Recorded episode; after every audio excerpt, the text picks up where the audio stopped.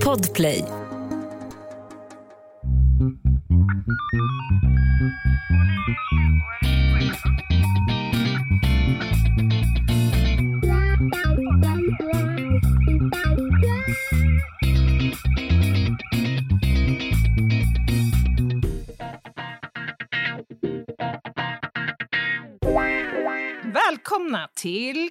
Krimpoddarnas krimpodd Över min döda kropp med mig, Anna Jinglede och... Lena Ljungdahl. Härligt! Äntligen! Mm. Varför säger. känns det så länge sen? Jag är det länge Jo, sen? men det är länge sen.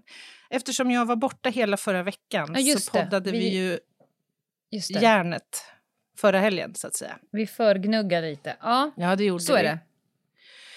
Jaha, Men nu är det, nu är det torsdag igen. Och Mm. välkommen. Jag tror så här, för att jag, nu åker jag ju jävlar i min lilla låda land och rike runt och föreläser. det kan man säga. Mm. Jag svingar så att säga med reklamyxan på slutet gällande podden. Det är ju fantastiskt bra. Nej, det är ganska lätt för mig, till exempel om jag föreläser för en skola om PDV och de tycker åh jösses vad mycket information, så är det rätt fint att kunna säga titta här, här har ni fem hela ja. avsnitt om det här för fördjupning, repetition eh, och förankra det ordentligt. Och by the way, podden heter Över min döda kropp. Ja, det är ju smart. Men alltså, jag känner spontant, borde inte jag få någon form av litet gage då? Alltså någon form av Ah, stim. provision. För det är trots allt, jag är ju trots allt med. Och Jo, bidrar du också. syns på bild. Nej. Ah, ja, Tror du att okej. det är för mycket begärt att när de kommer fram med blombuketten och chokladasken att jag ska säga så här, eh, vart tog Annas lilla kvast Jaha, vägen? nu ser jag bara en bukett här. Vi är ju två som har den här podden. Superbekvämt. Det svider så lite det där, så jag, jag unnar dig. Jag unnar dig Mm. all framgång med detta. Fint. Men framförallt så bör vi ju då, det var det jag skulle komma till, eh, hälsa alla nya lyssnare välkomna till Mm. krimpoddarnas krimpodd. Ja, varmt välkomna ska ni vara. Nu har ni kommit in i den där podden som bidrar med en hel del folkbildning. Sånt Mm. där som vi tycker att ni bör veta. Jag tänker det, jag sa det, jag har ju varit och kvällsföreläst här nu. Jag säger ju det, då är det ett rum, runda slängar kanske 120 pers. Och då när jag har dragit hela hur hjärnan funkar vid stress och sådär. Det är nog en ganska spännande känsla att sitta i ett helt rum med vuxna människor som har levt den större delen av sitt liv. De är, så att säga, har ju kanske nått över the tipping point. De har mindre än Mm. halva livet kvar. Just det, ja. Och har levt hela livet utan att veta hur de själva är beskaffade och funkar Ja, kopplat är till utmaningar, saker som är komplexa, konflikter, hot, våld och Mm. bara åkt med som Mm. flörtkulor Och blivit glatt piprensar. eh, överraskade när, när de Ja. har hamnat i stressreaktioner. Eller stressiga situationer. Ja, vad spännande att jag blev klapp oduglig på att hantera det här och så kom allt smart till mig i duschen två timmar senare. det är en klassiker. Det är Ja. en klassiker. Ja. Ja, men så podden, vi står då lite för folkbildning, lite garv. Anna eh, tar ibland iväg oss på kriminaltekniska nörderier. Jag kastar på folk lite paragrafer. Men det handlar eh, mestadels om sånt som vi tycker är intressant själva och som vi Mm. tänker gynnar våra lyssnare att kunna. Mm. Om rättssamhället, samhället i stort faktiskt. Väldigt mycket om den här spännande arten Homo sapiens. Både i Mm. levande och död eh, form.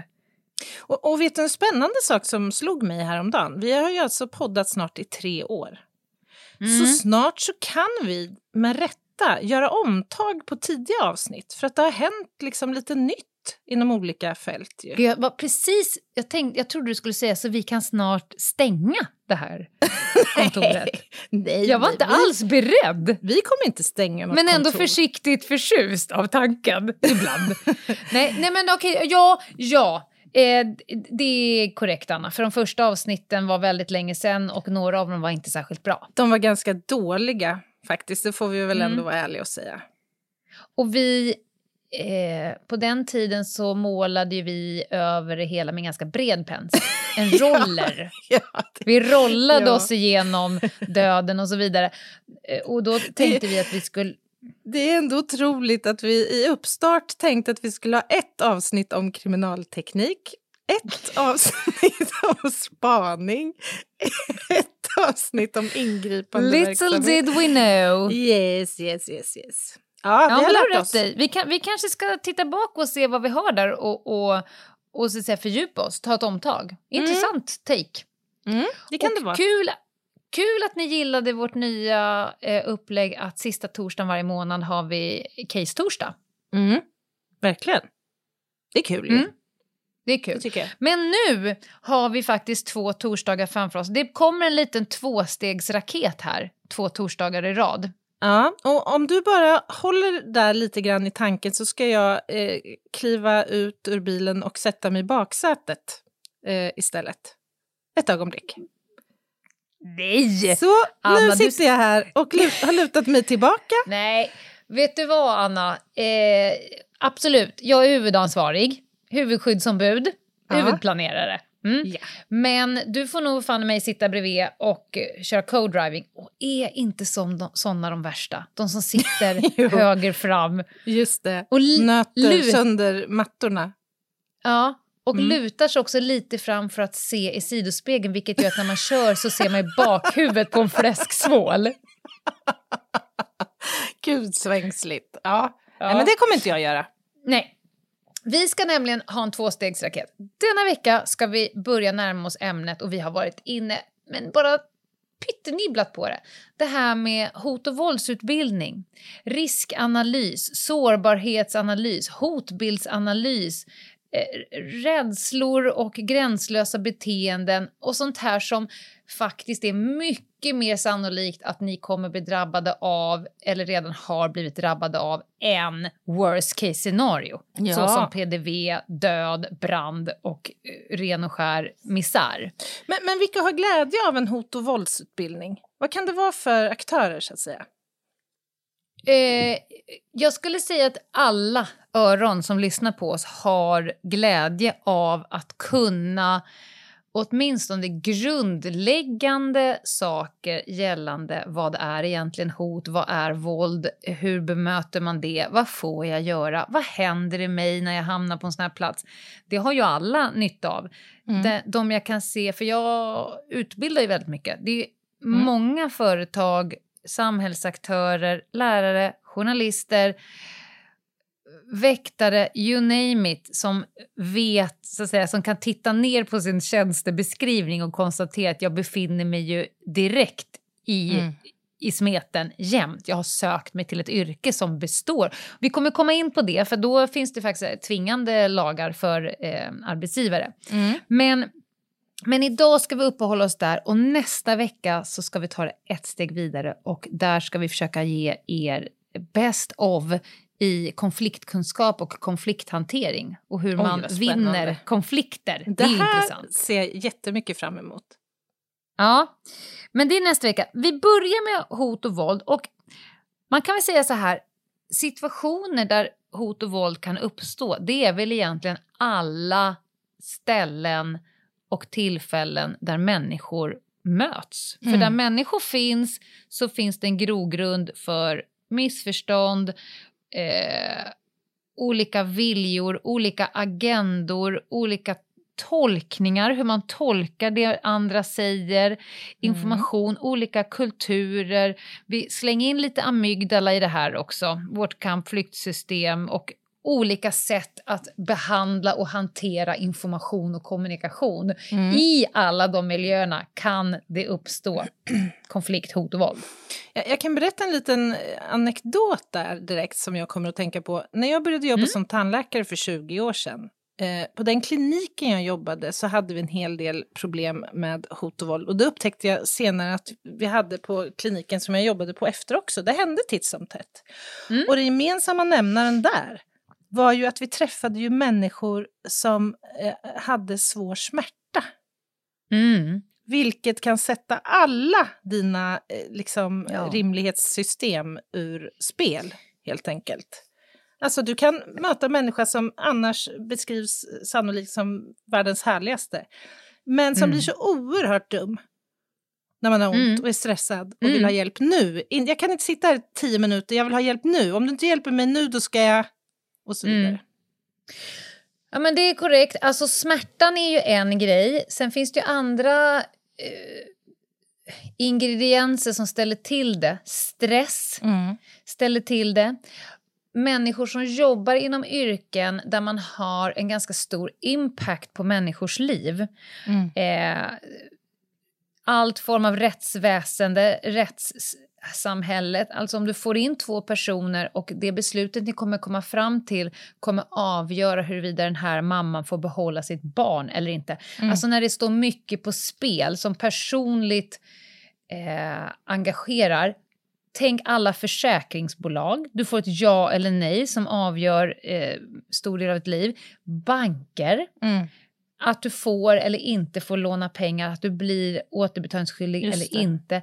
Det finns så många saker som på, allting som Mm. påverkar oss människor. Psykiskt, fysiskt, ekonomiskt, mentalt, alltså alla Mm. delar. Så fort du är inne och påverkar människor så kommer de att reagera på något sätt Mm. och har du dessutom olika tolkningar, eh, olika kultur, olika sätt att hantera konflikter och så vidare. Det är jävligt utmanande för oss människor att snirkla oss igenom alla dessa möten vi har med Mm. människor utan att missförstånd och gro, små grogrunder Mm. till allsköns skit uppstår. Det är ett mirakel egentligen att man vaknar och går och lägger sig eh, någon dag Mm. utan att det, man har konflikter. Och det, det gör vi ju därför att vi är ju duktiga på att sia in i framtiden. Det kan ju Homo sapiens, att man liksom kan föreställa sig vad som komma skall. Man kan göra ett, ett adekvat orsaks eller samband eller konsekvensanalys. Och vi människor kan ju också granska oss själva och Mm. tänka runt problem. Vi är lite... Vi, vi, vi har rätt många olika tentakler och har mycket att jobba med. Och vissa är jätte, jättedåliga på det här och de brukar ha jättemycket konflikter.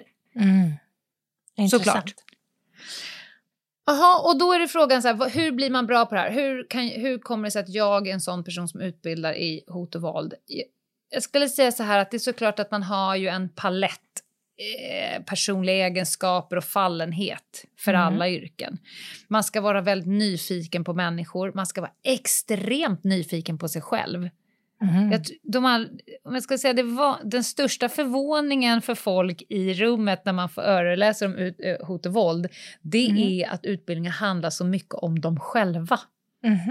Vad De tänker, de tänker att det ska handla mycket om hur kan jag kontrollera en person, hur ska jag Mm, göra med det här, mm. hur, hur kan jag få en person att göra som jag vill, hur kan så här. och sen så eh, går hela utbildningen på så här, ställ dig framför spegeln, hur kan jag kontrollera mig själv, hur kan jag styra mina egna grejer, hur kan jag behålla det här, för det går inte att styra andra personer om du inte kan styra dig själv. Mm. Men såklart, du som polis, jag som har varit polis länge, man utvecklar ju såklart förmågan att hantera, att nosa upp hot och, våld, att Mm. förutspå det och hantera det. Därför att man får mängdträning i det, helt Mm, enkelt. mm. Det är sant. Sen tror jag att vi eh, liksom, i naturen är olika bra på att hantera konflikter. Mm. Så är det ju. Alltså, även om man får träning så är det vissa som Ja. är... Alltså, man hamnar oftare i liksom, konfliktläget Mm. än, än andra. Och så har vi olika triggerpunkter. Jag lovar att du har människor i din omgivning som triggar dig otroligt mycket lättare än andra. Och andra Oh, ja. har du eoner av tålamod med Mm. och kan nästan knappt se att det skulle Mm. kunna uppstå en konflikt. Ja, Vad är det det som sant. avgör det? Om det blir en konflikt eller inte. Ja, vad är, det som, vad är det som avgör, om du kan liksom titta på dig själv, vad är det som eh, gör att du med Mhm. vissa personer lätt hamnar i konflikt och andra verkar det nästan omöjligt och, och att det skulle... Vad, vad, är, vad är det som är skillnaden? Oj, gud vilken bra fråga. Mm. För du är ju densamma. Mm. Men jag tänker, jag och, min, jag och min son har ju, det är väldigt sällan vi har konflikter, ska sägas. Mm. Men när vi hamnar i ett läge där det är bäddat för konflikt så, Mm. så tar det inte lång tid heller så att säga. Och där, Nej. ja, alltså det är som att vi där får jag en känsla av att vi är så lika på något sätt i varandras konfliktstil. Så att det blir clinch snabbt, Mm. om du förstår vad jag menar. Mm. Och sen handlar det ju om att där är det ju en mer omogen hjärna som ska hantera Mm. en motgång. Och jag med en mer mogen hjärna som ska övertyga om att det här beslutet är kanon Mm. för dig. Mm. Men jag har, ingen bra, jag har faktiskt inget bra svar på frågan. Hjälp mig. Nej, och, nej men jag, jag tror att det är, har jättemånga olika delar i det hela. Eh, när du är som yrkesperson så har du ett större skydd mot... Du, du blir inte lika hårt angripen. Du blir ju mer sårad om en person i din närhet Mm, blir besviken sant. på dig. Det personliga angreppet, ja. Exakt. Ja, det är riktigt. Så att vi är olika eh, sköra och det är en del av hot och våldsutbildningen. Alltså att göra en analys över sin egen sårbarhet, över sannolikhet, över konsekvens Mm. och så vidare. Och har det inga stora konsekvenser för oss som personer, då är vi också mycket lättare att, att hålla oss kalla än om, Såklart. om det Ja. än om, vi har, om det är en stor impact på mig som person. Då är man ju mycket mer känslig. Då kan du ju vakna upp nervös för att du vet att under Mm. dagen så kommer du träffa någon som räcker med att titta på dig så är du lack. Redan Mm. då har du dragit igång, och sen är vi ju också hormonmänniskor, så det Mm. skvalpar runt massa adrenalin i din kropp och din frontallob är satt ur svaj. Ska, vi kommer inte gå in på hjärnan, för det har vi gjort så många gånger, så jag vill bara säga så här, ni som inte är med på det, lyssna på tidigare avsnitt där, där jag noga beskriver hur hjärnan funkar. Och det finns framförallt i de här PDV-avsnitten. Eh, men jag upplever när man då kommer och ska utbilda folk i hot och våld eh, så hamnar det väldigt mycket på du. Hur ska jag göra den andra mindre? Hur ska jag göra? Hur ska jag kunna styra den andra? Det blir lite som den här någon annan-ism som jag är så Mm, allergisk Just emot. det. Just Mm. det.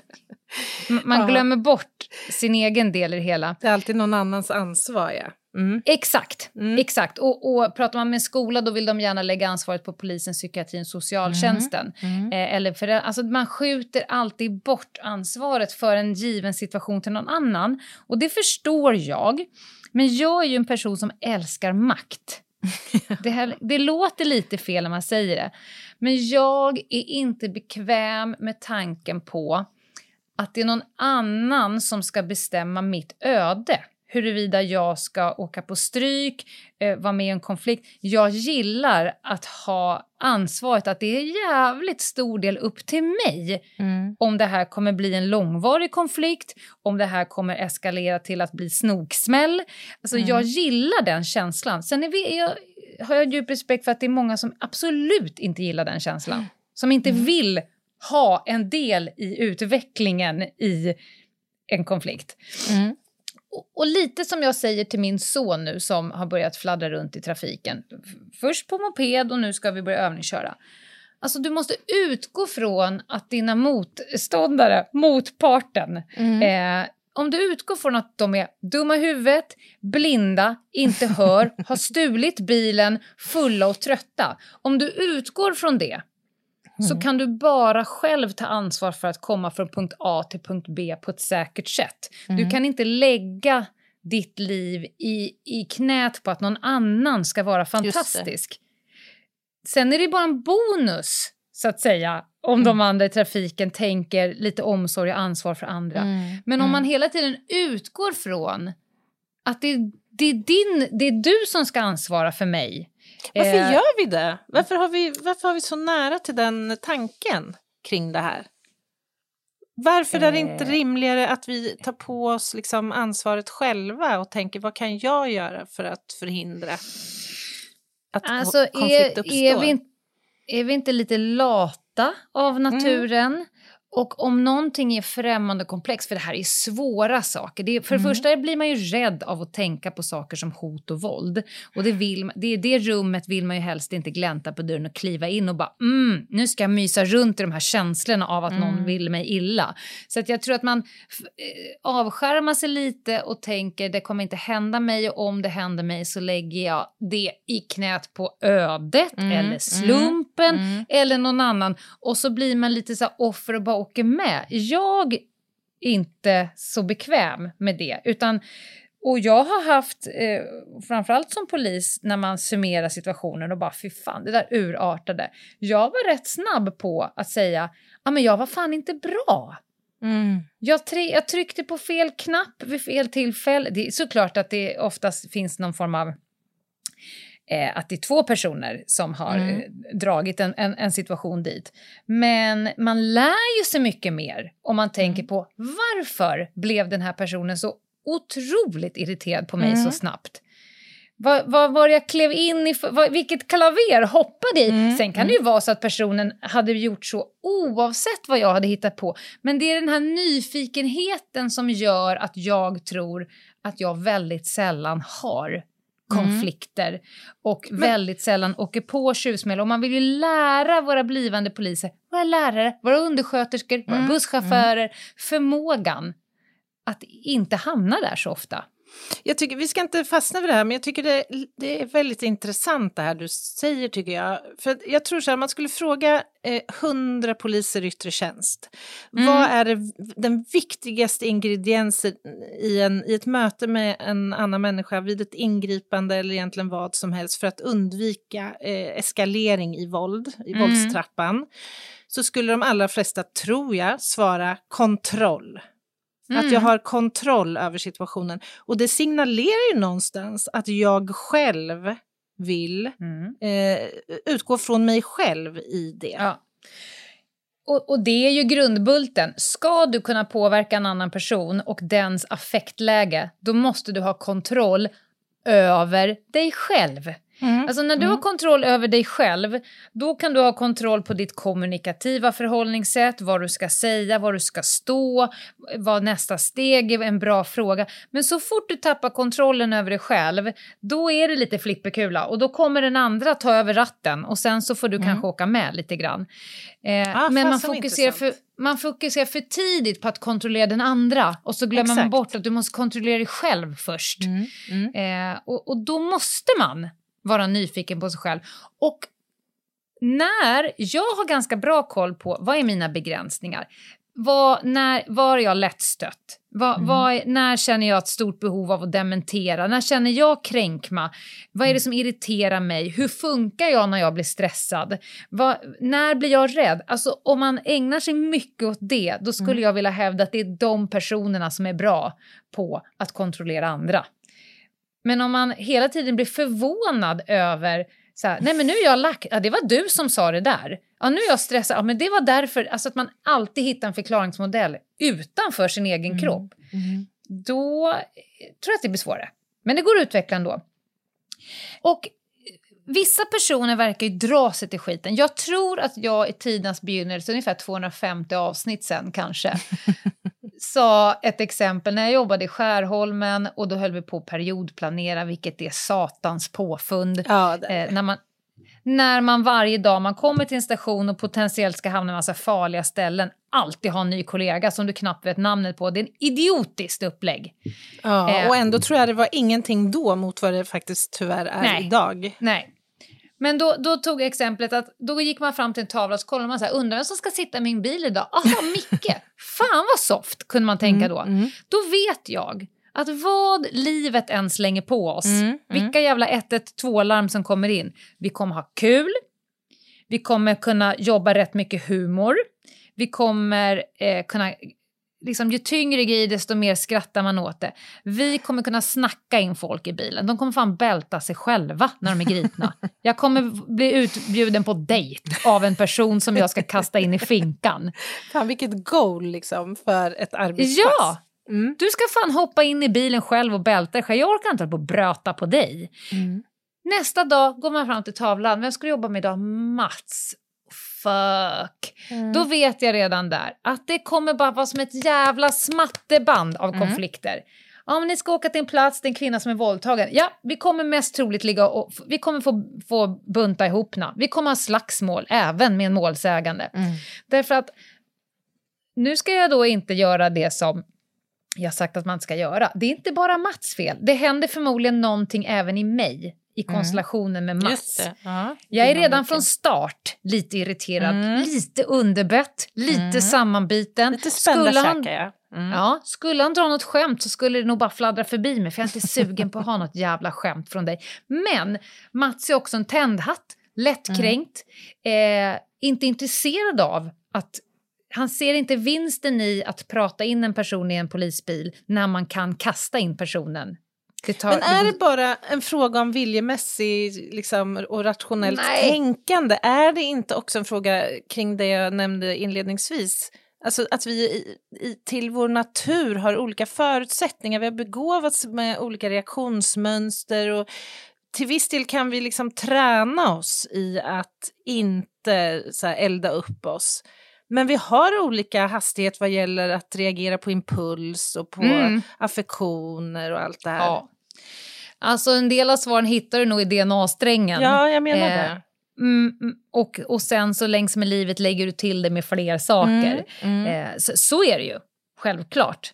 Eh, och om man då ska sammanfatta hur många gånger Mats har brottats med någon, handfängslat någon och så vidare, så är ju det hundratals procent mer än en Mm. annan som har gjort Mm. det till en match. Att, att snickesnacka. Mm. Sen kan ju också Mats eh, backa upp det här attityden med två par jävligt stora bicaps. Medan jag har bara... Ja men, och det är ju så här, jag du har en tror mun med röda läppar, ja. Ja, Mm. och inga biceps. Eh, och det här är en ytterligare sak jag tror, efter att ha jobbat på skolan, unga tjejer är bättre på konfliktreducerande principer av den enkla anledningen att de har fått spädbarnsår snackat sig Mm. ur och in i situationer därför att de kan inte backa upp det med biceps och muskler. Så de måste eh, snacka sig igenom faror. Lå- Låt mig få nämna eh, en gammal kollega till mig. Vi har jobbat tillsammans i DVI-sammanhang. Eh, han har också varit kommissarie på RKP, Disaster victim. Victim Identification. Identif- Förlåt. Mm. Jag trodde att alla vid det här laget är bekanta med begreppet. Han var Mm. eh, kommenderingschef vid en sån här större insats. Han Mm. är, jag skulle tro att han är ungefär 1,68 lång. Väger kanske ah, 60, mellan 60 och 70 kilo. Gammal maratonlöpare. Som har jobbat på Senig norm- sate. Senig Sate.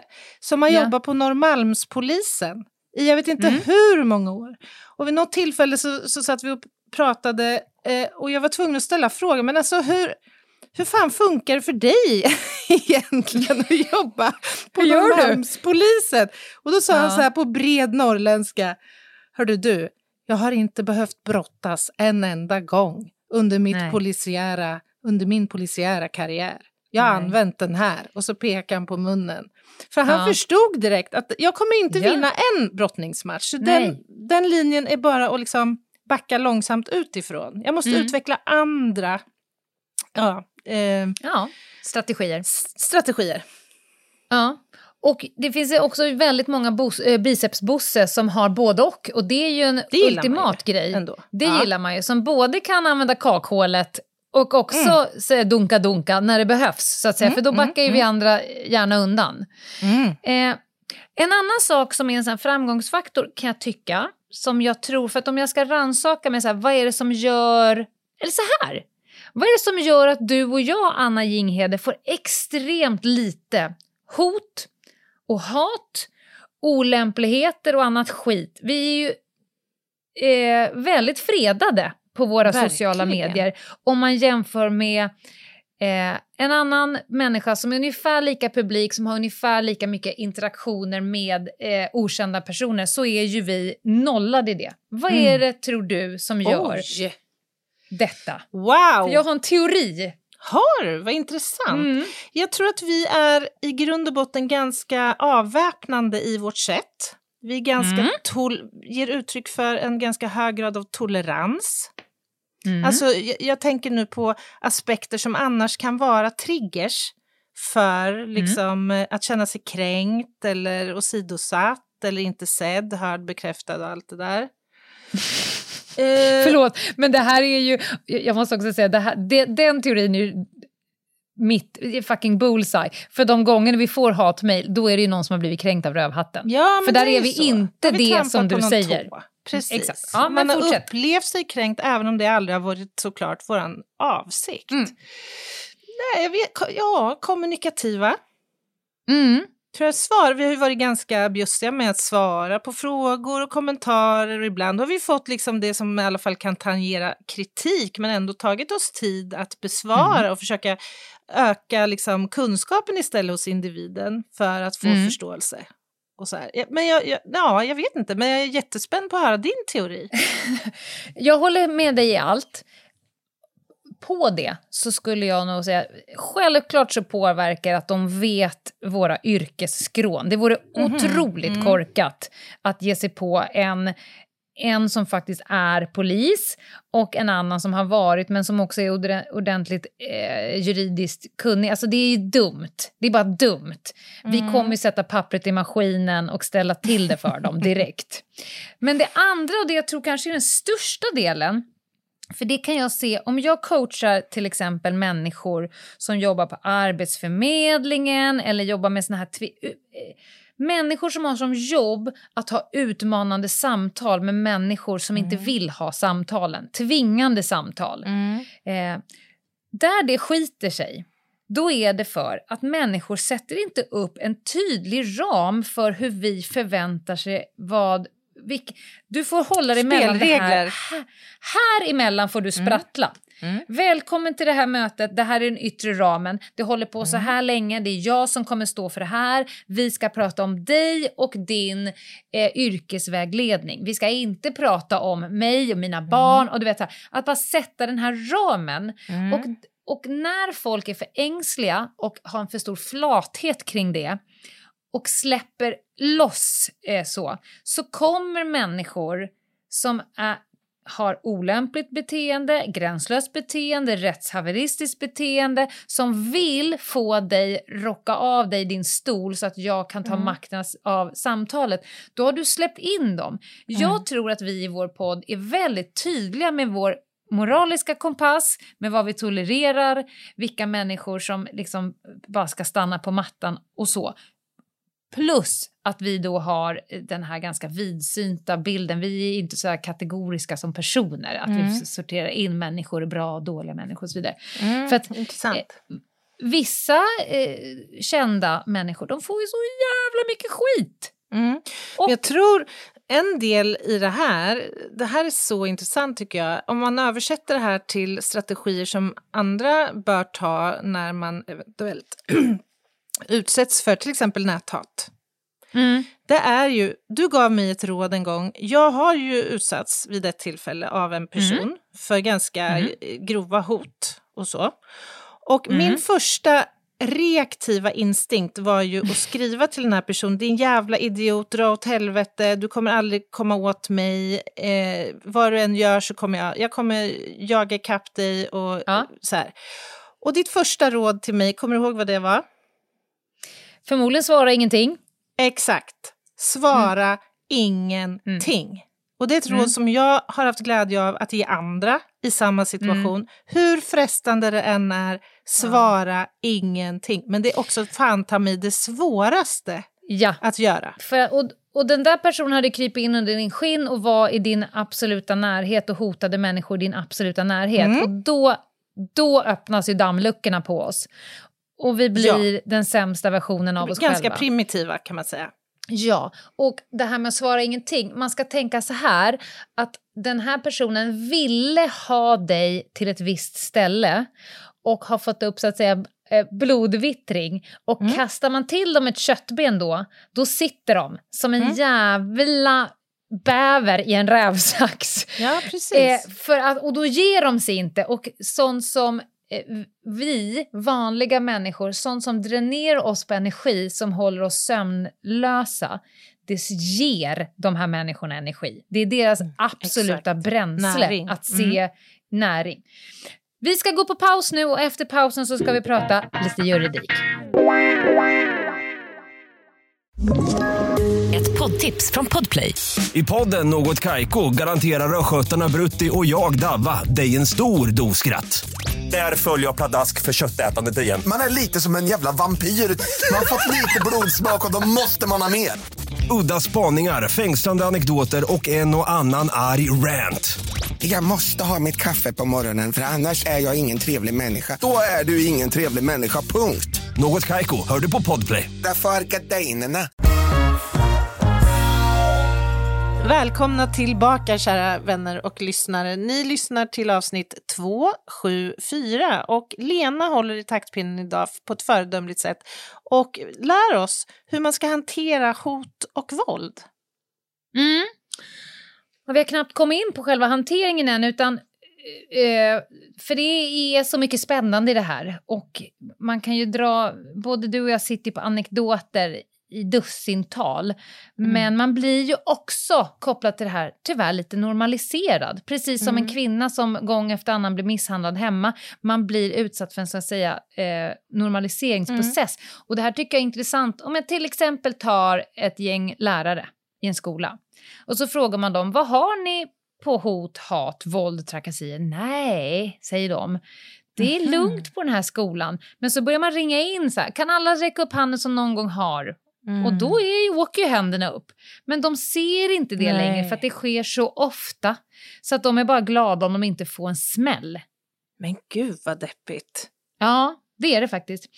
Jag kommer nu ta en liten eh, sak från författningssamlingen. Oh, vi prata lite juridik.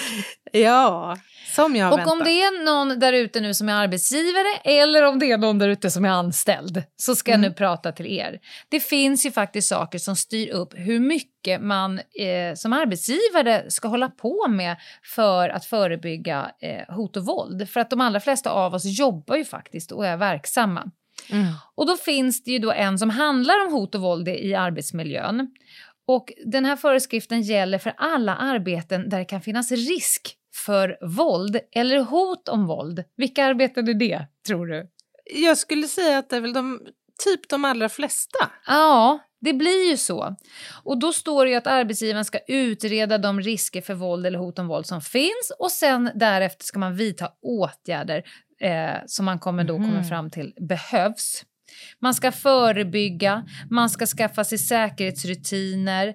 Rutinerna ska vara välkända av alla arbetstagare och det är nu kommer jag lite taskig, men det är lite sisådär alltså med det här där ute. Alltså att inte, att inte arbetsmiljöansvaret efterlevs Det görs riktigt. inte. Nej. Det görs. Det finns inte rutiner och så. Det finns ju såklart, eh, jag menar, kör du värdetransport eller jobbar i, ja, ja. som dörrvakt eller eh, jobbar du inom eh, psykiatrin eller något sånt ja, då finns det rutiner. Mm. Men jag skulle vilja säga att det finns många, många fler yrken. Mm. Eh, jag har till exempel hållit på att stötta nu en, en tjej som jobbar inom socialtjänsten som är så fruktansvärt hårt ansatt. Alltså, mm blir våldsamt bemött av klienter och får ta mig fan ingen hjälp. Och jag blir vansinnig ja, alltså. För klokt. socialtjänsten, eh, det finns säkert socialtjänster där det funkar utmärkt. Men i det här fallet så får hon ta pengar ur sin privata ficka och gå och köpa sig emotionellt krisstöd för att hon har blivit nedstrypt in i ett eh, samtalsrum på sin arbetsplats. och cheferna gör ingenting. Ja. Men jag tänker att i den här afsen eh, så måste mm. det också finnas beskrivet eh, när polisanmälan ska göras. För det ja. tror jag görs, där har vi ett stort mörkertal. Alltså det är väldigt få av de här händelserna som polisanmäls. Ja. Man försöker lösa saker internt och sådär. Och det kanske är bra ibland. Men det mm. finns ju mm. gränser också för vad som ska hanteras eh, så att säga lokalt. Jag vet inte om det är så jävla bra att man försöker... Så här, vi har ju eh, ganska starka eh, rättigheter eh, i regeringsformen och friheter. Mm. Mm. Vi är skyddade mot angrepp mot, mot vår persona. Eh, och sen så har vi då massa lagar och regler som ska upprätthålla det här.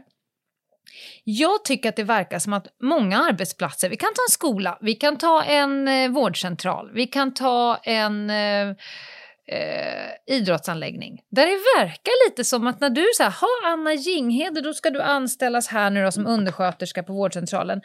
Eh, och det är för att du är duktig på det här. Jag vill bara att du skriver under här för att här kommer också fr friskriva dig från de rättigheter som du har enligt regeringsformen. för på den här arbetsplatsen då godkänner vi hat, hot mm. och våld mot våra mm. anställda. För kommer du bli drabbad av det, då är du on your own. Vi mm. kommer inte sätta pappret i maskinen. Du kan få gå till Previa två gånger och snacka med farbror Barbro om du mår dåligt. Men i övrigt så kommer vi inte... Rulla ja, men li... Ja, ja. Mm. alltså det är så här... Och då kommer jag in som häxans surtant, ofta när det har skett en incident. Vad har ni bestämt? Får mm. man eller får man inte hota er personal på arbetstid? Och om ni har bestämt att man inte får det, hur fan ser åtgärdsplanen ut? Vem ska jag berätta till? Vad ska den personen göra? Vem ska göra polisanmälan? Ska man lägga på en lärare att den både ska polisanmäla eleven och sätta betyg på densamma? Ja. Det är inte rimligt. Upp med skiten till ledningen. Mm. Alltså ni måste upprätthålla den här regeln och det spelar ingen roll vad du tycker eller tänker eller har för personliga åsikter. Ni måste bestämma er. Mm. För att annars så är det en person som ritar ett streck i sanden och sen kommer nästa och borsta bort det. Eh. Ja och vad värre är, jag lyssnade till ett rättsfall häromdagen, jag ska inte gå in på mm. namn eller var det här utspelade sig, men det bottnades i en konflikt på en arbetsplats mellan två mm. anställda där och det här våldet och hoten eskalerade och slutade i mord. Alltså en ja. anställd mördar en annan anställd på ja. grund av en arbetsrelaterad konflikt. Och då har man ju fatalt misslyckats som arbetsgivare ja. om man inte har lyckats fånga upp det och förebygga ett, ett grovt våld alltså, och dödligt våld. Alltså jag, kan säga, jag och Meta har varit inne i ett företag i nutid där det är mm. konflikt mellan två arbetstagare. Där man har fått prata med den ena och med den andra och vi har haft medlingssamtal och parallellt med detta har vi utbildat eh, ledningen i mm. hur man ska hantera det här, vad som åligger dem, hur man ska kunna lösa problemet. Facket måste... Det är en jättecirkus, men vad fan, vi kan ju inte ha mord på, på dagordningen. Det, det, och i den här AFSen som då heter 1993 2 eh, så är det massa upprabblade saker man kan göra. Men på slutet skulle jag vilja säga, där finns det jättebra saker man kan titta på. Mm. Exempel med frågor man kan ställa, exempel på hur säkerhetsrutiner ska se ut, förslag på hur man bedömer risk och så vidare. Förslag på hur ett rapporteringssystem kan vara, förslag på åtgärder vid en akut våldshändelse. Det finns, men jag tror att där ute så är det för mycket av någon annan ism. Jag har ju kompisar mm. som är läkare. Mm. De har alltså blivit eh, hoptryckta, upptryckta mot vägg, de har åkt på stryk, mm. de har fått hantera obehöriga som stjäl datorer och så mm. vidare. Men har ni ingen utbildning? Nej, det är ingenting på läkarutbildningen och sen Nej. den dagen så får man bara veva efter egen. Jag får väl ta en ja. sån här bedövningsspruta och hugga in i skinkan på ja, personen. Ja. Nej, men som sagt, jag har det, själv varit i den situationen. Mig. Men ska vi mm. inte skicka iväg en liten brasklapp här då? Till arbetsgivare som lyssnar på det här avsnittet. Se över ditt företags eller din verksamhets rutiner. Det finns kvalitetsledningssystem på de, ja. inom de allra flesta verksamheter ja. idag och du har ett uttryckligt ansvar. Gå in mm. och läs på AFSen, AFSen 1993 kolon 2 va? Mm. Den är tydlig. Sen så eh, tycker jag så här, hur mycket ska man som gemene person gå runt och tänka på hot och våld och säkerhet och risk och så vidare? Man blir ju knäpp till slut. Mm. Jag har ju som en liten grej, varje gång jag är på hotell, vilket jag är ganska ofta nu för tiden, så är jag som en liten nagel i ögat på folk. Jag går ut, jag går in till mitt rum, sen kollar jag på utrymningsvägarna, sen går jag ut i korridoren och sen så går jag till två stycken olika mm. utrymningsvägar och sen filmar jag allt detta och så lägger jag det på mitt Instagram. För att peta in en vass akrylnagel i ögat på folk. Mm. Och jag är inte rädd jag undviker ingenting. Jag ligger inte och tänker på bränder, men jag gör det som ett signalvärde. Och återigen, jag vill ha makten över om jag överlever en brand eller inte. Jag kommer inte förlita mig på grannen, räddningstjänsten, polisen, mm. UD eller någon annan, utan jag måste se till att jag håller vid med liv. Och det tar mig två minuter att göra det här. Mm. Och sen skiter jag fullständigt i branden. Sen öppnar jag minibaren och säger hello. Ja, jag gör samma sak. Och jag öppnar även nödutgången och försäkrar Ja. om att det inte står fem, 51 stolar, tre bord Mm. och en soffa eh, Mm. och blockerar Eller ett den. bibliotek. Mm, det händer Mm. också. Varför gör du det här, Anna? Nej, men jag gör det här för min egna mentala förberedelses skull. Jag är Mm. så drillad i det tänket, tror jag. Det, att skapa mig själv, det handlar ju om kontroll. Att skapa Mm. mig kontroll, även om det kan vara en falsk invaggad kanske sån ibland. Eh, för att du kan inte skaffa dig Nej. kontroll över allt som sker. Men det kommer öka mina odds betydligt. Om någonting skulle Mm. hända och jag vet var jag ska ta vägen någonstans. Och då är två viktiga frågor. Lig- ja, du ligger ju inte resten av semestern och tänker åh gud, det kommer börja brinna. Nej, verkligen inte. Då måste du gå till en psykolog. Ja. Och, och du har ju inte heller ändrat framtiden. Du har inte ökat på risken för det du har förberett dig för genom att förbereda dig. Ah, det, det kan väl- ett intressant perspektiv. Ja. För det tror jag att, att faktiskt kan finnas Ja. med hos vissa. Att det Ja. som inte syns, det finns inte. Nej, alltså, att exakt. om jag, alltså att det blir en jinx, liksom. Mm. Men så är det ju inte. Gud vad trist att jag köpte en brandsläckare. Nu kommer det börja Ja. brinna vid fondyeafton nästa påsk. ja. Det är en jättespännande sak och, och, och ett förhållningssätt till världen.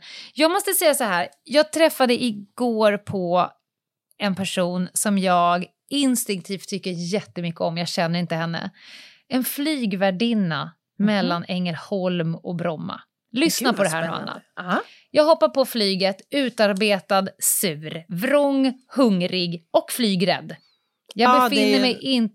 Ja, Jädrigt risig kombo alltså. Ja, det är en cocktail som smakar illa alltså. Ja. Jag sätter mig där och sen så blir jag vänlig. Alltså när jag kommer på, hon bara, men välkommen ombord. Hon har liksom ett, Men ett gud, annat tonläge. Så jag Ja. hajar till, bara okej, eh, tack, I guess. Går och sätter mig. Ja. Och sen ska då den här eh, säkerhetsgenomgången börja. Och då säger hon så här, ja, nu eh, förväntar ni er att jag med en torr röst ska be er ta av era hörlurar. Och det kommer ni inte göra. Men vet ni, vi kommer bjuda på show här idag.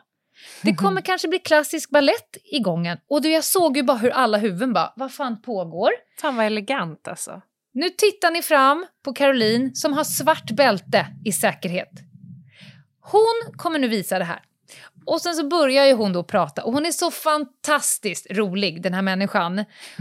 Och alla lyssnar. Det finns inte en hörlur på någons huvud. Alla tittar. Otroligt. Och så säger hon saker som att ja, och om den här flygningen skulle övergå till en kryssning så ligger flytvästarna under sätena. Och så tar ju hon på sig den här så säger hon och om du tycker att ditt liv är alldeles för okomplicerat då skiter du och drar i de här röda partysnörena och så blåser du upp västen med de här istället. Och så bara fortsätter hon och så avslutar hon med att säga och då är vi klara och för er som har valt att inte titta på säkerhetsgenomgången så önskar jag er lycka till. Alltså hon är så rolig och så jävla älskvärd den här människan. Men framförallt så är hon smart. Mm. Ja, och du, så du vet ju vad jag känner kärlek. Jag känner så enorm kärlek för streetsmarta människor. Mm. Alla, alla på det här flyget tittade, kände, klämde och hade grejerna liggandes på rad i sitt minnesarkiv. Och Otroligt. skulle det här planet gå i backen och behövas utrymmas eller börja brinna och så vidare så är jag övertygad om att fler hade överlevt på det här planet än planet Mm. som gick innan. Som inte hade det här. Vad var det hon gjorde då? Nej men hon eh, tar ju bort det vi kallar det ibland på snut av så här skjutbanebeteendet, när man gör saker utan att tänka. Hon påkallar uppmärksamheten, hon slängde in lite tydlighet och lite humor, hon vågade vara lite vass och faktiskt sätta i kontext till om vi går i backen och det börjar brinna, om vi ska liksom planet på sjunka. Du får fan lycka till om du inte tittar nu. Hon eh, så att säga rockade ju vår värld lite grann på ett jävligt snyggt sätt. Eh, och det var inte större risk att det här planet skulle gå i backen än någon annan. Såklart Hon har inte f- förändrat världen på något sätt. Men jag tyckte det var så smart. Eh, och hon lägger ju ansvaret i knät på var och en av er. Ni måste hålla liv i er själva. För jag kommer själv vara upptagen med att hålla liv i mig Mm. innan jag kan hjälpa er. Jag tyckte det var... Eh, Elegant ju. väl, det var väldigt elegant. Men Mm. det jag skulle komma till, det finns ju en gräns mellan att vara... Om vi tänker att det finns människor som är helt naiva, låser inte bilen, går Mm. med headphone på sig eh, liksom på ställen där man bör ha lite uppmärksamhet. Eh, är som Doris i Hitta Nemo. Mm. Jag vet inte.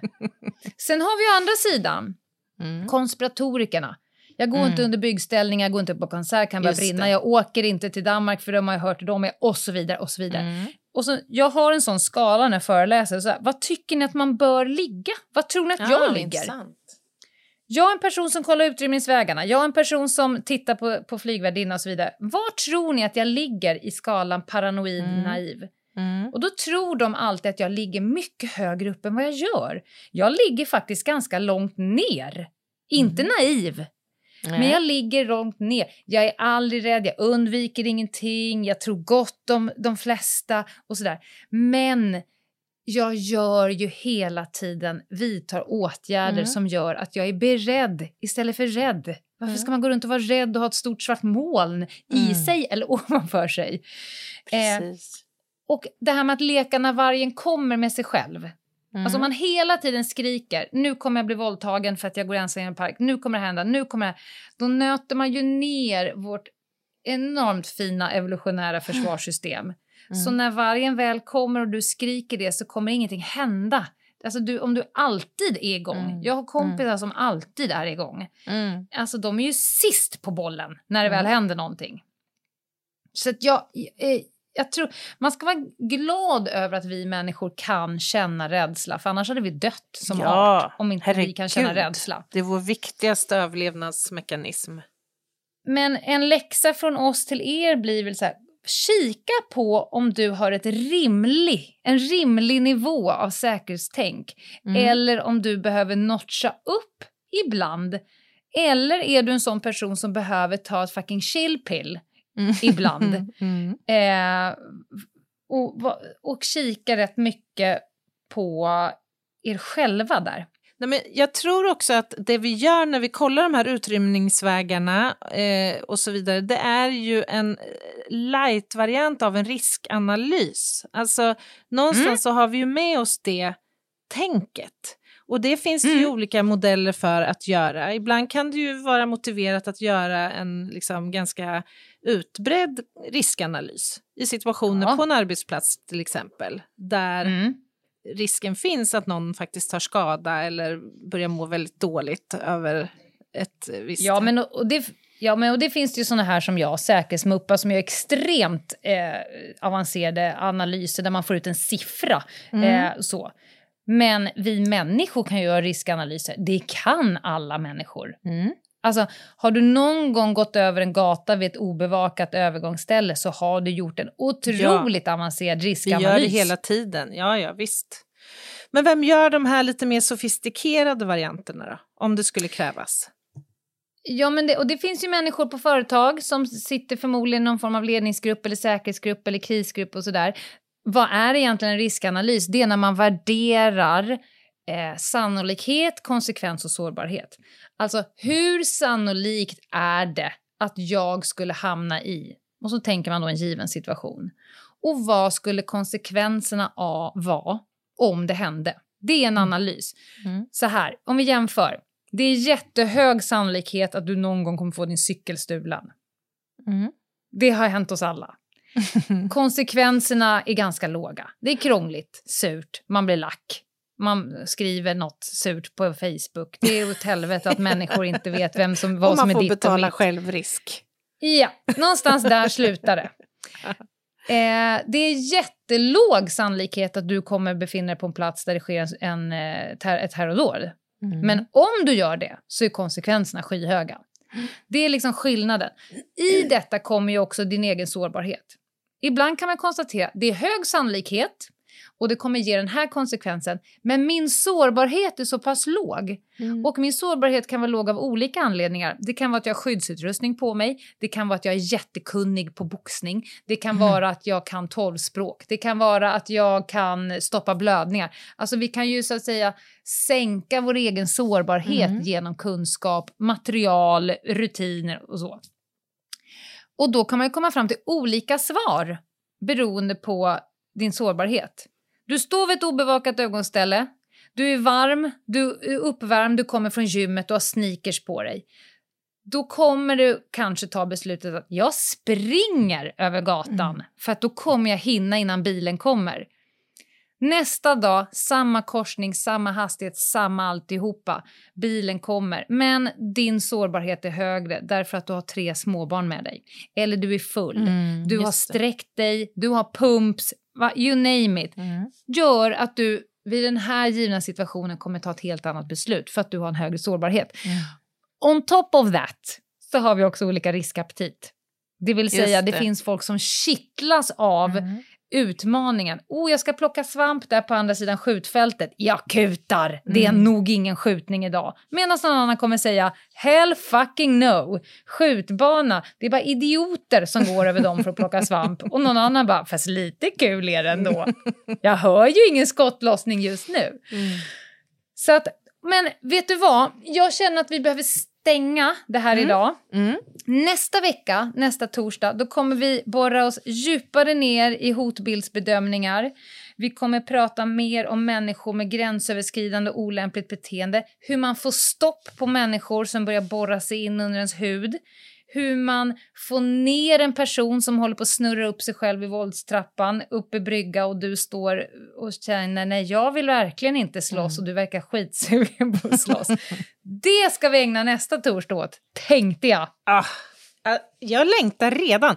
Jag tycker det här avsnittet har varit så spännande och så intressant, Lena. Och jag tror att många fler med mig kommer känna så. Ska vi ge folk en läxa till nästa vecka? Ja, det tycker jag. Läxa är bra. Gå och ställ, gå och ställ dig framför spegeln. Titta på dig själv. Börja med att så här, vara helt avslappnad och titta på dig själv och tänk så här, är jag en person som i defaultläget ser ganska sur ut? Eller är jag en person som i defaultläge ser avväpnande ut? Och sen så sätter du ner och funderar på vad är mina ömma punkter och vad är mina styrkor när det kommer till konflikt? Så tar du med dig det kunskapen mm. in i mm. nästa vecka. Typiskt bra vi... läxa. Ja. Tänk vad deppigt att ställa sig framför spegeln och bara fy fan vad jag ser barsk ut. Ja, Alltså, den enda reaktionen som jag skulle få tror jag det är fy fan vad du är mullig nu, rosémullig och blek. Och trött. och trött. Fedback. Men Anna, du har väl en ja. jätte, jätteviktig lista va? Som vi måste Men har jag en jätte, jätteviktig lista? Det är klart jag har. Men det är klart du har. Ja, lite, lite samhällsinfo ändå. Mm. Skutta in för tusan på Instagram, Ljungdahl och Ginghede. Eh, och ni kan också mejla oss om ni vill på hej och ginghede.se. Eh, ja, ska jag, ska jag bara dra plåstret? Får jag säga en sak till? Ja, varsågod. Vi har ju släppt en bok. Ja, det har vi gjort. Och vi sitter ju as we speak och manglar oss igenom... Eh, vi håller på med bok två nu. Mm. Men vi blir jätteglada om ni sprider vetskapen om vår första bok. Och framförallt om du har lyssnat på den i Storytel eller Bookbeat eller har köpt och så vidare. Finns det någon form av plattform där du kan ge boken lite liv genom att skriva en recension och så vidare. Mm. Det är så otroligt mycket saker som går ut på algoritmer. Mm. Så då, då når den fler och det tycker vi är kul för det känns så himla mycket roligare att skriva bok två. Och vi är redan jätteglada för att bok ett går så jättemycket bättre än vad vi hade ja. kunnat föreställa oss. Verkligen. Men tack för alla ni som gör det. det, det och vi läser det ni skriver. Det Verkligen. Vi, vi, vi får energi av det. Bra remark, Lena. Tack. Nu då, Anna! Den. Ja! Annas jätte, jätteviktiga lista. Ja! I dagens jätte, jätteviktiga lista så ska vi prata om ett närliggande ämne till dagens poddtema. Nämligen mm -hmm. hot och våld, eller kanske egentligen snarare hämnd i arbetsplatsmiljö. Jag, jag, ska nu alltså guida dig genom ett antal eh, sätt att hämnas en oförrätt med sin chef. Åh oh, fy fan, jag kände att jag nästan blev sexuellt aroused av detta. Det är skönt att hämnas. ja, det, Det är verkligen. Man otroligt får skönt. en release av att Ja. hämnas. Och sen därefter så får man så att säga en, en backlash. Ja. Ja. När du det minst anar det. Ibland är det, Det kan vara värt. Det kan vara värt. Ja. Plats nummer Absolut. fem. Vi ska nu prata om en anställd Graham Rust. Han jobbade på en sjukvårdsinrättning i 24 år, kan du tro. Oj, Men- gud oss. Ja, verkligen. Graham, han kände sig inte uppskattad, han kände sig inte sedd, han kände sig inte bekräftad av sin chef. Till slut fick han nog. Och han bestämde sig då för att starta en egen liten låda så att säga vid sidan om. Genom att helt enkelt stjäla en jäkla massa produkter på sitt företag och sälja på Ebay. och det beräknade värdet av prylarna som han stal det uppgick till cirka 20 000 pund. Jävlar! Ja, du förstår vad sjukvårdsmateriel som han ska, Ja. lär ha baxat alltså. Senare då så var det en på företaget som hittade gods på just Ebay och eh, bekräftade liksom genom att köpa tillbaka, köpa en Mm. vara, att det då Mm. var stöldgods mycket riktigt. Och på så vis så kunde man då knyta Rust till brottet. Och vår vän här Graham Rust, han dömdes till åtta månaders fängelse och 200 timmars samhällstjänst för detta tilltag. Ska, får jag bara säga så här, jag har ju gjort det här. Alltså jag har inte gjort han. Nej, nej, baksidan. När jag jobbade inom näringslivet så var det ett av de mer, lite mer high-end svenska klädföretagen Ja. som förstod att en av deras anställda eh, norpade saker och sålde på Tradera. Så att jag fick göra provköp och träffa honom utanför Rish och köpa såna här svindyra eh, skor och väskor av honom. Och där en av mina kollegor dokumenterade detta och sen så fick han då inte kanske jobba kvar där längre. Sen var det bye Eh, bye. Bye bye. Ja, Bye men bye. alltså, okej, jag fattar. Ja. Mm. Okej, plats nummer fyra. Nu ska vi prata om en lokförare anställd vid Wienerlinjen Tra- Transport Company. Mhm. Wiener, det låter som vin. Jag tror det är vin. Ja. Men jag har inte gjort min research här så bra. Mm. Eh, I alla fall, den här lokföraren han stannade en kväll sitt eh, pendeltåg vid en station då som var den här linjens liksom slutstation. Och där skulle han Mhm. få sig en god paus. Så han eh, klev av tåget och eh, gick och eh, pudrade näsan och så vidare. Och när han kom tillbaka då för att, att säga, ta nästa tur, då var tåget borta.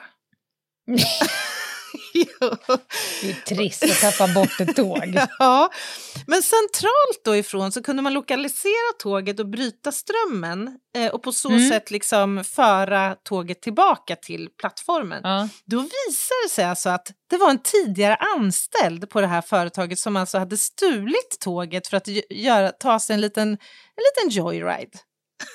Och den här mannen han hade just blivit avskedad också några år tidigare och var djupt kränkt över detta och såg nu sin chans till hämnd. Men, vä men vä vänta, vänta, vänta. vänta.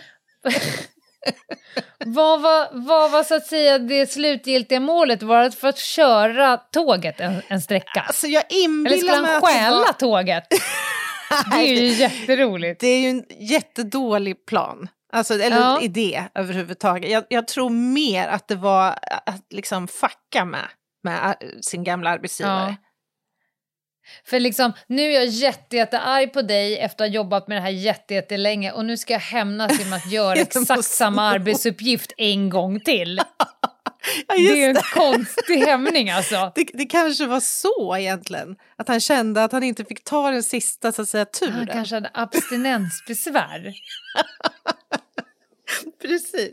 Och samtidigt så visste han att det skulle reta någon i alla fall att han tog Ja. en tur olovligen med Ja, tåget. nu har jag fuckat upp tidtabellen idag. Det är ju inte så att man får en... Okej, Ah. ja visst. Whatever Okej. makes you tick. Mm-mm.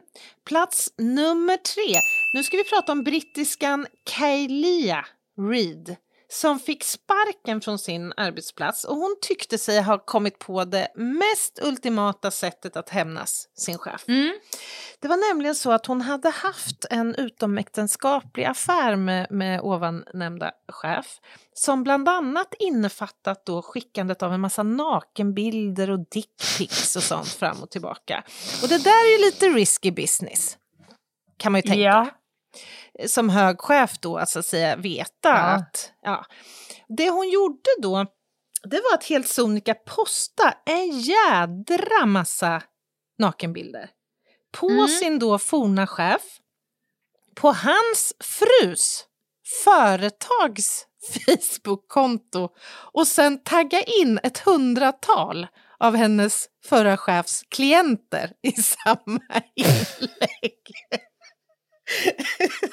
Snacka om pang för pengen så att säga. Oj, det är extra jävlar. allt. Det är, det är mosbrickan och det är pommesen och kebaben och korven Ja. och allt i en härlig Jag har korven också. gjort Jag har faktiskt gjort en liknande sak. Va? Inte fullt så... Jo, jo, jo, jo, jo. Nu kom jag... Det här måste ju vara preskat alltså för länge sedan. Ja. Men jag var tillsammans med en kille och vi skulle in till stan och eh, göra något på en fest eller någonting. Och där i stan träffar han sitt ex och dissar mig. Han, liksom, han Nej! hakar av mig in i Ja, stan. jag fattar. han, vill, han, Han vill vill hellre gå hellre ut och Han vill byta parta där. med sin tjej, eller med sitt ex. För att hon är så rolig att parta med. Den är ju inte snygg. Jag kan ha Nej. varit kanske, jag tror att jag gick på gymnasiet, kan ha varit 16-17 typ. Mm. Så moloken med hängande öron eh, tänkte jag, då är det ingen dag att vara kvar här i stan för mig. Det var också så här, under den här perioden det fanns så skitmycket nassar i Gamla stan. Ah. Han dumpade mig liksom i den farligaste. Nej, Så att jag åker helt enkelt hem till huset igen där hans två brorsor befann sig Mhm. Och, och gola ner honom. De bara, vad är han? Nej men han träffar på sitt ex och de skulle tydligen gå och parta. De bara, nej men nu jävlar, för att de gillade mig. Ja. Eh, och då var det så att min kille då, han sparade på riktigt gamla såna klenoder till jeans. Alltså han Ah. ropade in på auktionsverk. Så att jag och hans brorsor klippte av vänsterbenet på Nej, alla nej. jeans. Vi satt en hel kväll. Det här är ju värre än hon i Lida, Lena. Alltså, Alltså det här, det här. Tyckte du att det stod i proportion verkligen?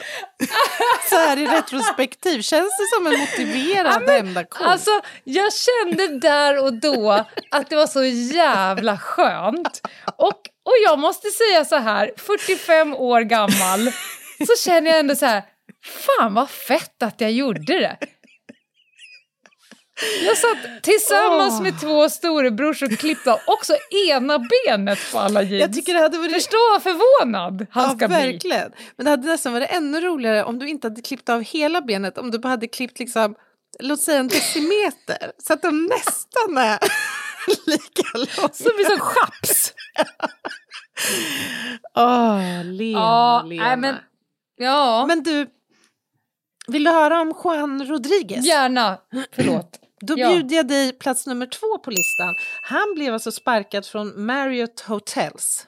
Det är en ganska stor eh, liksom, eh, Ja. kedja. Eh, och han var ju sned som fasen, alltså han skulle hämnas den här aktionen. Han var också Rodriguez hobbyhackare. Alltså han var en jävel på data. Det är farlig person att sparka Mm. alltså. Och det han gjorde då, eh, det var att hacka sig in i hotellkedjans bokningssystem och ändrade alltså tarifferna från eh, 150 till 500 dollar per rum till 12 till 59 dollar per, per rum. Och det här omfattade alltså 3000 rum en, Alltså och en, man måste ändå älska kreativiteten. Alltså, jag måste ändå kreativt. säga att jag blir lite impad. Ja, det här innebar alltså en omsättningsförlust för den här hotellkedjan Jaha. på ungefär 50 000 dollar. Ja. Men olyckligtvis så kunde man spåra honom då via IP-adressen. Så han... eh, Ja. Ja. Men ändå oerhört kreativt. Och, och, och efter att man, jag träffar så många företag, eh, HR-funktionerna, de har en väldigt fin rutin för när man eh, avskiljer människor, alltså när man sparkar människor. Därför att allt från du vill inte komma tillbaka att den personen är kränkt, ska skjuta ihjäl någon, knivhugga någon eller ändra Nej. priset eller skicka dickpics.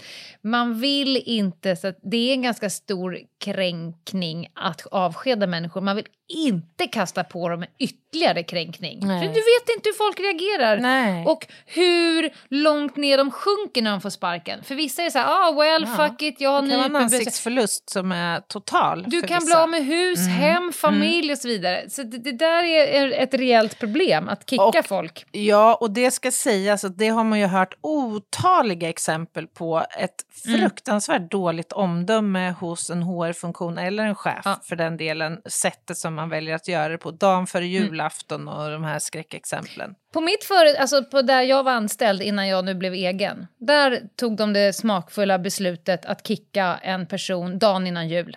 Det är helt Alltså- sinnessjukt. Ja, det är helt sinnessjukt. Ja. Ja. Okej, avslutningsvis då, plats nummer ett. Och nu ska vi prata med tidigare anställd vid ett eh, café som blev uppsagd.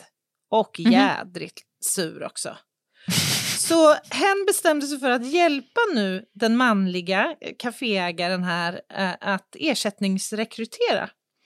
Genom att helt enkelt fabricera då en ny arbetsplatsannons som eh, distribuerades över hela staden. Den Men vänta, upp... var det den som fick sparken som Ja. skulle hjälpa till att göra annonsen för Ja. sin ersättare? Precis. Den är ju snygg. Men jag har inte berättat än vad det stod i annonsen. Eh, Den här distribuerades då över hela stan. Den sattes upp på lyktstolpar, anslagstavlor och Mm. allt möjligt. Det var bara att det att den här annonsen var otroligt sexistisk.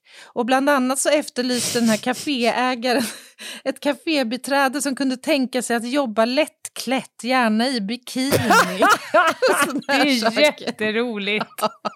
Och det här gjorde ju att en mängd människor blev ju rasande över Ja. den här obskyra verksamheten. Mm. Och, och det innebar ju naturligtvis både ett extremt dåligt rykte men också givetvis dåliga Mm. affärer för kaféet. Ja. Vart är det här samhället på väg? Klanen Ja, precis. vakna till. Ja. Mm. ja, det var listan. Är du nöjd? Ja, men roligt, Anna. Jag, jag har några frågor bara. Mm. När du ska göra en lista, Mm. Hur går du tillväga? Hur ser din arbetsmodell... För att min rövhatt växer ju bara ur ett, så att säga, ett latent hat och förakt. Ja. Mot, Just det, du kan Men gå hur på gör du så här- känsla. ja, hur gör du så här? Nej, men nu ska jag ta avsked. Alltså, vad gör du? Hur går en lista till? Det är väldigt, väldigt olika. Ibland så har jag ett tema liksom bestämt sådär veckan innan. Att det här vill jag Mm. hitta och göra en lista på Mm. till nästa vecka. Och ibland försöker jag liksom kila in mig lite på temat. För jag har upptäckt att det adderar någonting. Det, Ja, så att säga, det det blir lite som crème de la crème när listan kommer och adderar på lite crème då till, till det du har briljant nu Ja. eh, förvisat.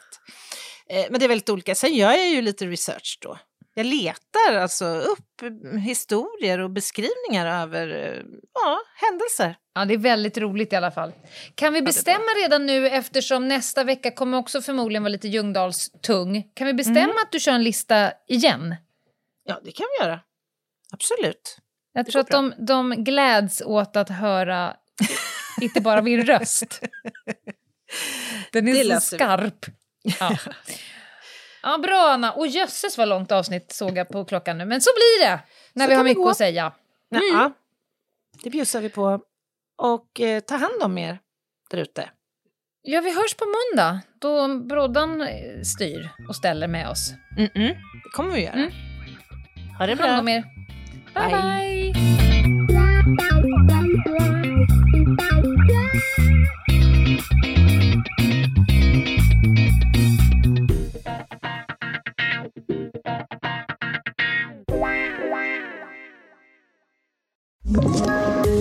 Poddtips från Podplay.